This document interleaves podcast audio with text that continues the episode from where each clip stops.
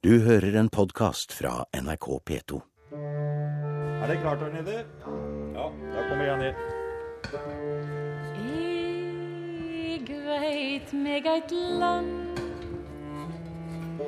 langt der oppe mot nord. Salmedikter, politiker, teolog og professor i hebraisk, Elias Blix, har skrevet teksten til Å eg veit meg eit land.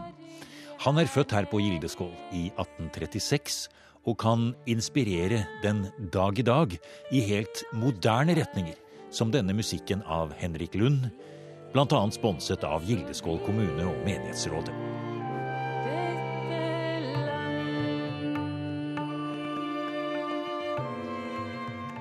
Vi er i Nordland, vest for Beiarn og syd for Bodø. Helt ute i havkanten ved en ualminnelig vakker liten middelalderkirkestein med tilhørende hvitmalt prestegård.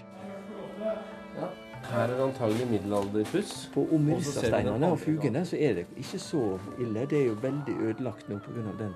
Men det er mye dårligere. Det ser vi ute òg. Ja. Den gavlen Her er vi invitert med på grubleseminar i Gildeskår gamle kirke.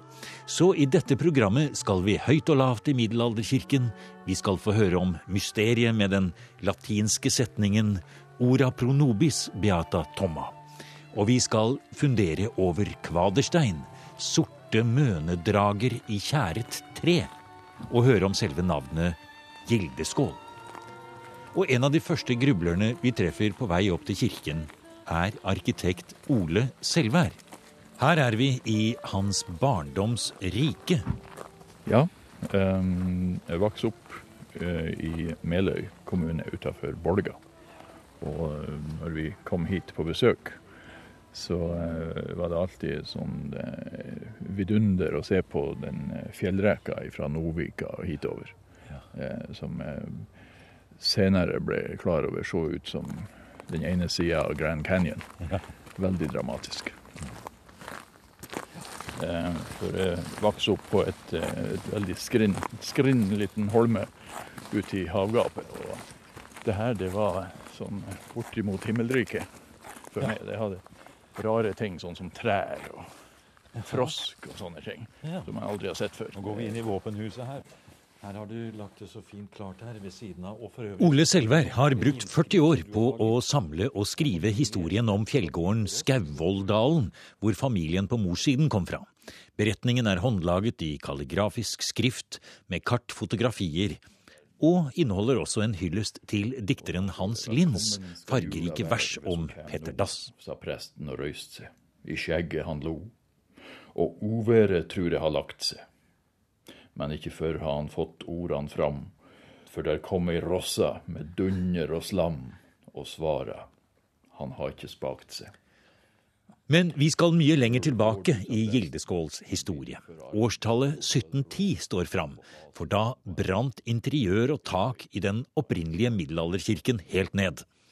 Og når vi går inn i kirken, er det først og fremst den gjenoppbygde 1700-tallskirken som møter oss. Men når ble den første steinkirken reist, og hvordan så den ut? Det er noe av det primus motor i grubleseminaret Morten Stige fra Byantikvaren i Oslo vil finne ut av. Når vi møter ham inne i kirken, står han og stør en lang aluminiumsstige som går rett opp mot taket ved alteret. Oi, oi. Det klirrer i stigen her. Den er jammen bratt, den stigen, Morten. Ja, den er ikke etter HMS-forskriftene. Heldigvis så er vi her uten arbeidsgiver alle sammen. Ja, for det er litt av poenget med grubleseminaret. Dette er frivillig. Dette er frivillig. Her bruker folk av sin egen tid i arbeid, arbeidstid og, og hele helgen for å jobbe sammen med kirkens gåter og spørsmål. Ja, men er ikke det ganske fantastisk og morsomt og spesielt og rart i norsk akademia? Når jeg forteller dette til venner som er ingeniører og økonomer og jurister, så tror de jo ikke sine egne øyne. Det er jo Nei. helt utenkelig. Det er jo bare vi som er, driver med humaniora, som driver med disse spørsmålene, som ikke greier å skille jobb og fritid. Ja, For hva er et grubleseminar? Det er et, en møteplass hvor vi er en gruppe som tverrfaglig angriper. I, I praksis har det vært kirker og kirkesteder fra middelalderen og se på de fra ulike ståsted for å få mest mulig helhetlig bilde av situasjonen i middelalderen. Vi har, det har blitt en liten tradisjon nå. Dette er fjerde gangen vi møtes her i Gildeskål. Før så har vi vært på Tingvoll, på Veøy og på Kyrkjebøur på Færøyene. Og, og jobbet med kirkene der. Og i Hedrum kirke i Vestfold òg. Vi har hatt noen mi- miniatyrgrubleseminar også, som har gått på over én dag. Hvor vi har vært i Hedrum og i Nidarosdomen. Men her har dere faktisk bodd i eh, mange dager, en hel gjeng på en fiskekutter uti her, og dere smører dere mat med, med, med brødskiver og, og, og, og gulost på, holdt jeg på å si. Det er enkelt, det er alminnelig, det er privat, og det er fullt av entusiasme og glede. Ja, Her er det fire dager til ende, hvor vi jobber først samlet med ulike problemstillinger for hverandre sammen i tre dager. Og så har vi åpen dag på søndag, hvor, eh, hvor vi inviterer menighet og lokalmiljø til å høre på resultatene våre.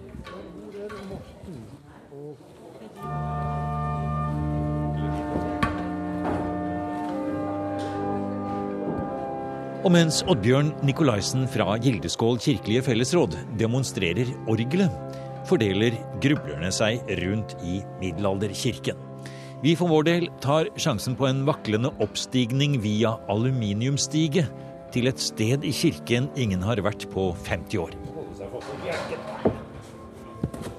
Der oppe finner vi Nidarosdomens arkeolog Øystein Ekroll. Nå er vi jo på loftet over koret. Alteret er rett under oss. Og fordi dette, altså det var en brann her i 1710, så vet vi at denne takverket vi, av tre er fra 1711. Og nå står vi jo her med da arbeidslys og klatret opp med denne aluminiumstigen høyt, høyt opp under taket. Dette er jo ikke et rom som noen er i noen gang, annet enn akkurat nå, da. Nei, i de siste 300 åra så har det vært loft. Men altså når du ser at veggen er så fint gjort Ja. til med kalkbuss, så er det jo for at det skulle være synlig. Og den kalkbussen du ser der, den er sannsynligvis fra middelalderen. At da var dette et åpent rom helt opp i mønet. Dette var et, et åpent rom, og da får vi virkelig høgde over det. Så når du så helt opp i mønet, så får du jo en høgde på Ja, hvor skal Ja, det blir jo veldig høyt, for vi hva har skal vi jo regne med? Morten? Ja, hvor- hvor mange- Fra mønespissen og ned til gulvet? En eh, 12-14 meter? Helt ned i kirkerommet, ja. Ja. Ja, for vi har vel en fem meter her. Og så Ja, det må det i hvert fall være. Ja. 12-14. 12-14 meter. Det, det kan vi måle ut. Så fra utsiden så kan man jo tenke seg at dette er en litt liten kirke i og for seg. eh, Men nå skjønner man jo at inntrykket ved å være inne i middelalderkirken, så har det reist seg opp en eh, helt annen himling over det hele, bokstavelig talt. Ja, her er det virkelig eh, Det har vært virkelig en flukt over det rommet når du kom inn og så helt opp i mønet. Vi vet jo ikke hvordan det så ut, eh, men det var nok en ganske fint forseggjort takkonstruksjon i og med at den skulle være synlig. Men det med størrelsen er også interessant, for dette er som du sier, ikke en stor kirke. Det er de små nordnorske kirkene, den lille gruppen av nordnorske steinkirker. Så det er ikke størrelsen som, som preger denne kirken, men det er kvaliteten. Det er dette helt spesielle eh, murverket. Og det finner vi. De fineste kirkene er ikke de største. Det er eh, de mindre kirkene. Sånn at her eh, er stein en sånn ekstra eksklusiv markør. Og når man først har gått til det skrittet å bygge med stein, så tar man den helt ut, og så bygger man med kvader og bygger virkelig utsøkte ting. Ja, Så nå er jo, står jo geologen Ja, nå ser jeg geologen står her. Vi går bort til veggen her. Hvis jeg kan få lov til å spørre deg også. Eh, Fortell litt om det du ser inntil veggen her nå. Marmor. Her, Det lyser det er i marmor. marmor, ja. Det lyser i marmor. Ja, det gjør det. Og ikke bare marmor, men mesteparten er marmor. Og den er helt lokal fra området her, selv om vi ikke har funnet eh, steinbruddet. Men vi leter og leter. Følger du fugen bortover med hånden din her? I lyset her? Så har du også andre stein, og det reflekterer eh, den lokale berggrunnen her. her oh, ja, se her. Nå går vi litt lenger ned. Helt annen type stein. Glimmerskifer. Glimmerskifer, ja. Og det er, eh, det er liksom Det ligger lag av marmor her, sammen med glimmerskifer og sammen med andre bergarter. Og det ser vi jo da, selv om marmor er den mest brukte. For det er jo nettopp det som er eh, formålet for dere her nå. Det er å finne de forskjellige fasene, nær sagt årringene i kirkens historie. For den har jo forandret seg såpass mye, også kanskje før brannen. Ja, den her har forandret seg i mange, mange runder, og det er jo egentlig lite igjen av middelalderen. De største inngrepene har antagelig skjedd før 1700-tallsbrannen når det gjelder endringene på det middelalderske murverket. Sånn at her blir det Når det gjelder middelalderkirken, så blir det mye spekulasjoner og sammenligninger med andre kirker av tilsvarende type, som, som gjør at vi kan vite en del om hvordan det antagelig har skjedd. Gå lukt i, lukt i graven, for da kan du jo komme ned, i, ned under gården oh, ja. her borte. ja, for der er neste avdeling, ja. Ja. Her er det noen som har prøvd å komme seg ned i krypten. Hallo, der, og der ser vi bena på en arkeolog som stikker fram her. Nå går han ned her. Ja, takk skal du ha. Nå tar vi mikrofonen her. Åh, her var det trangt, ja. Her er det rimelig trangt. Oi sann.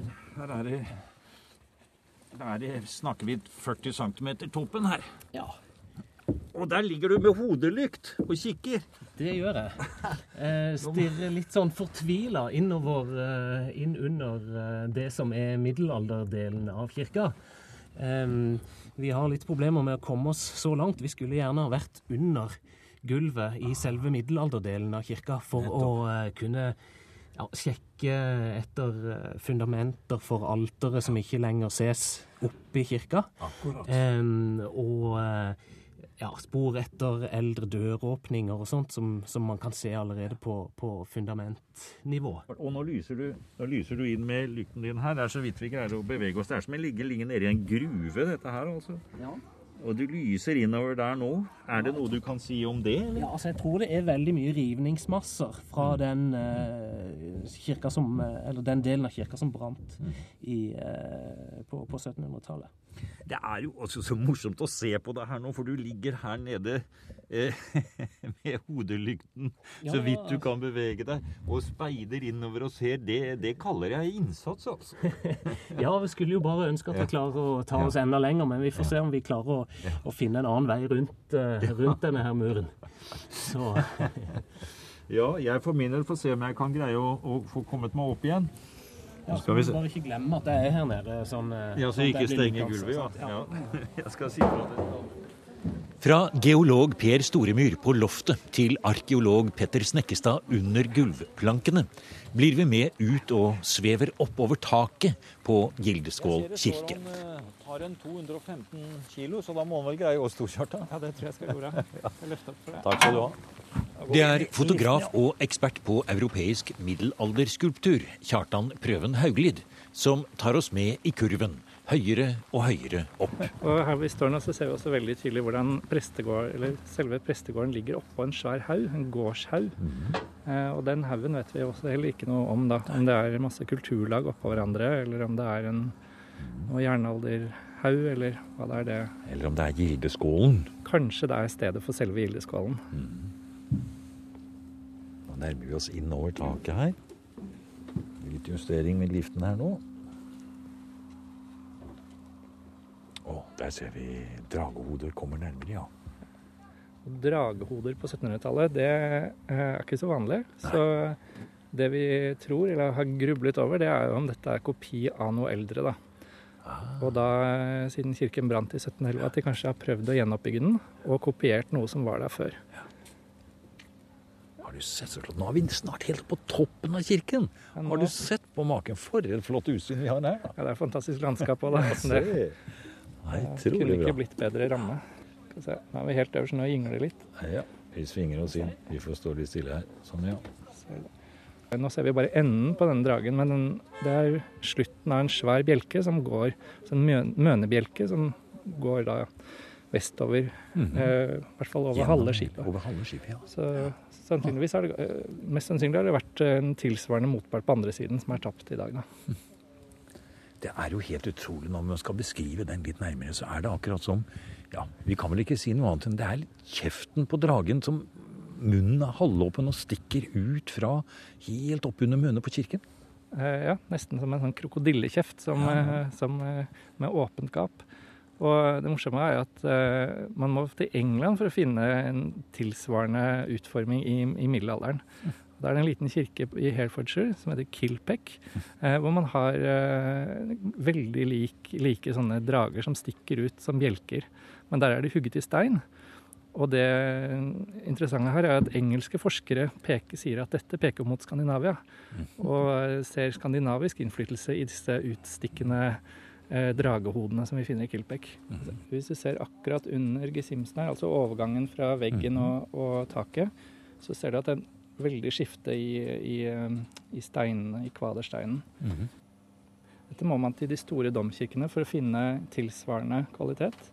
Uh, og det spesielle her er at disse kvadersteinene de, de er opp, opp, over 40 cm høye. Så det er jo kjempesvære, nesten som legoblokker. Og de er så presist hugget at det er ikke noe fuger imellom. Ligger veldig, veldig tett. Eh, og dette er det best bevarte murpartiet.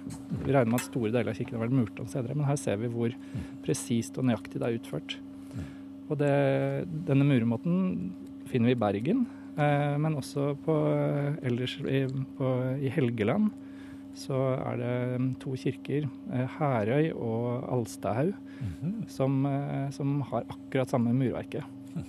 Og dette har vært veldig kostbart. Så her, er det en, eh, her ligger det noe symbolikk i dette også. Eh, Dette er eh, Selv om steinene er tause, så forteller det om at byggherren har hatt, eh, ja, har hatt masse ressurser, og, og det ligger en symbolikk i dette, da. Og apropos symbolikk. Hvordan man har sett på verdien av kulturminner, har variert sterkt her på Gildeskål, som antagelig også mange andre steder. Oskar Berg fra Nordlandsmuseet er lokalkjent og går foran grublerne ut i kvist og kvast og overgrodd buskas litt på baksiden av den nye kirken. Fortell, fortell hva det er du tar oss med til nå, Oskar. Det er en utedo som var bygd her i mellomkrigstida for, for hovedkirka. Den er altså bygd av gamle kirkebenker fra gammelkirka. Inni krottet her, med noe nedrast skifer på toppen. Ja, det, slik kan også kirkematerialer, Øystein, brukes. Ja, det er en eh, litt uvanlig måte å bruke det på. Nå er jo mangler det litt tak her, men skal vi se hva som skjuler seg bak Vi følger veggen. etter Hvis vi tar sjansen, tar sjansen på å gå inn. inn her. Ja, Det har vel ikke noe å si om vi går på herre eller dame her nå, for alt er nedrast. Hva så er vi altså fyllingsdører, eller fyllinger fra gamle kirkebenker. Dette er jo den typen som er med inngangen. Ja. Det er det. To, tre, fire. Og der oppe der er det bare sager på skrå for å, Ja. på grunn av taket. Så det er seks stykker. Man ville rett og slett ikke kaste noe. Man hadde materialer, og da kunne man jo bruke det. ja, det gjorde man jo til gangs. Man hadde bl.a. bruka av gamle kirkebenker som båtskiller i fjøsen. Så det var, lå og fløt rundt prestegården med løse deler da han Harald Sund starta restaureringa i 1936. Lagret de høy inne i gamlekirka? Ja, det var høyløve og sauestall og høy stabla inn i de innelukte stolene og saueskit på gulvet. Og. Det virker merkelig på oss i dag at man kan komme på en sånn idé i det hele tatt å lage en utedo ut av gamle kirkebenker. Men eh, kommer dere til å gjøre noe med dette her nå, nå som det på en måte har blitt litt satt pris på igjen ute i krattet her? Ja, det må jo reddes, det her, for det blir nokså forfalt. Så det skal rives ned, og vi skal ta vare på de her benkedetaljene. Ja, Dere river ned det hele og så tar vare på det som lar seg Ja. ja. På grubleseminaret på Gildeskål tok middelalderhistoriker og professor Jon Vidar Sigurdsson for seg selve ordet gilde og gildeskål. Da skal vi tilbake til midt på tusentallet, sa Sigurdsson, og tenke oss at nettopp dette stedet var et samlingssted, en festplass, kanskje med et stort festlokale. Altså Folk samles hit i hvert fall en gang i året til en større feiring. Og feiringen gikk ut på si, litt intensiv øldrikking. Og denne festen kunne vare, eller ifølge noen lover, så lenge ølet rakk. Men dette, denne festen var jo også feiring på helgenen, som på en måte gildet var dedikert til. Og ikke minst dette er en feiring for å markere samholdet blant bøndene og, og egentlig alle i bygda. Disse gildene kommer til Norge på hva skal vi si, tusentall, og de sprer seg på en måte over hele landet i løpet av 1100-tallet. Hvis du skulle forklare hva et gilde er Ja, Gilde er på en måte sånn et felles forsikringsselskap. Et forsikringsselskap? Ja da. Ja. Du hjelper meg i mine kriser, og jeg hjelper deg i dine kriser. Hvis jeg mister gården min, så vil alle gildesøsknene hjelpe meg å bygge den opp igjen.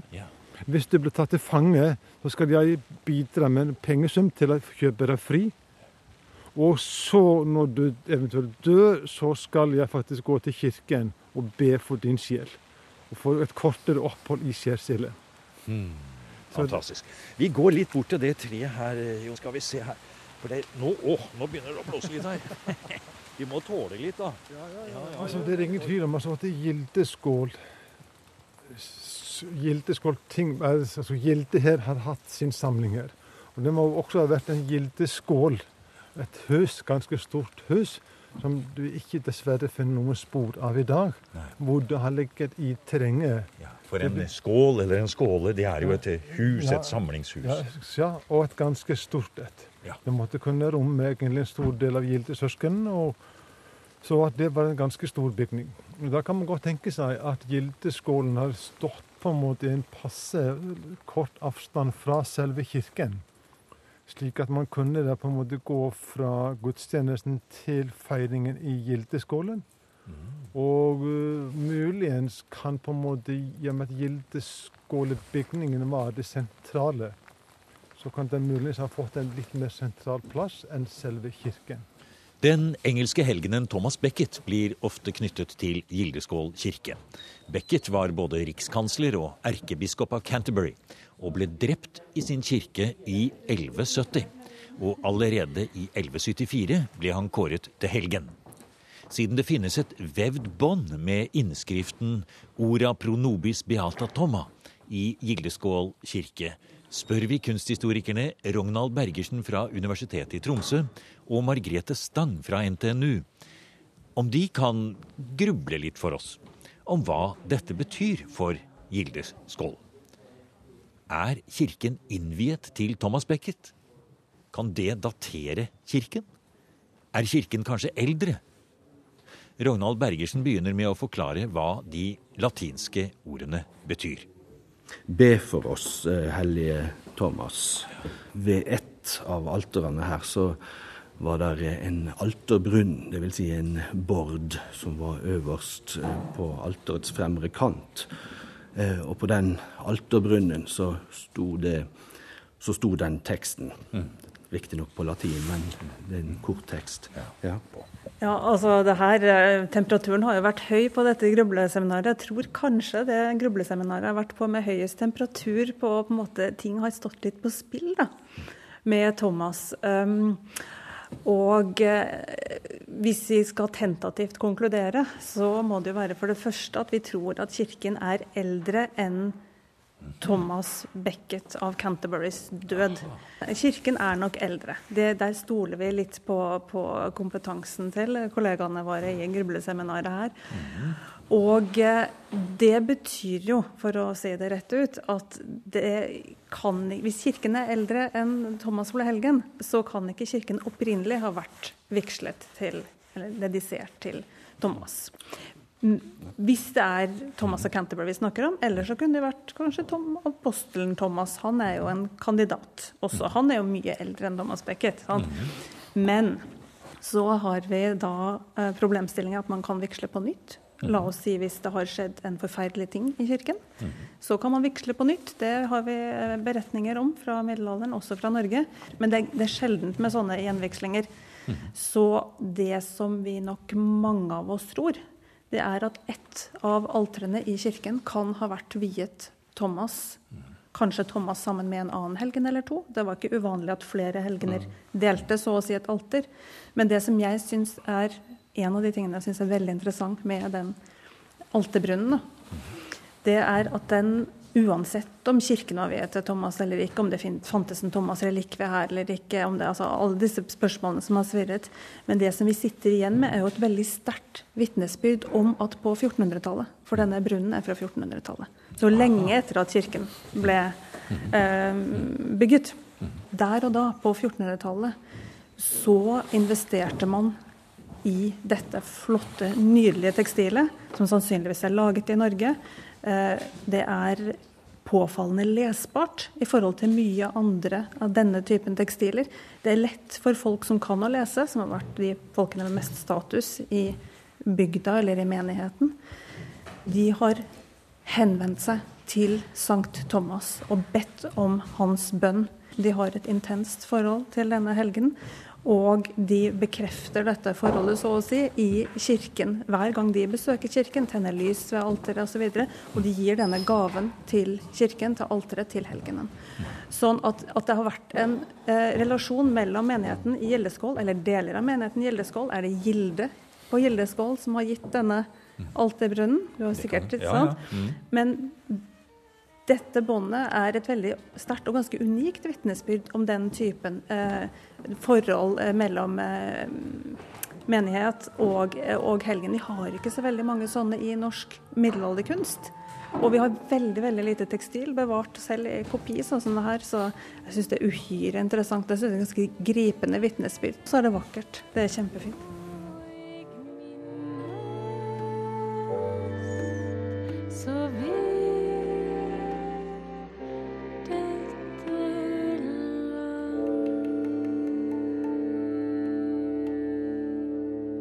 Du har hørt en podkast fra NRK P2.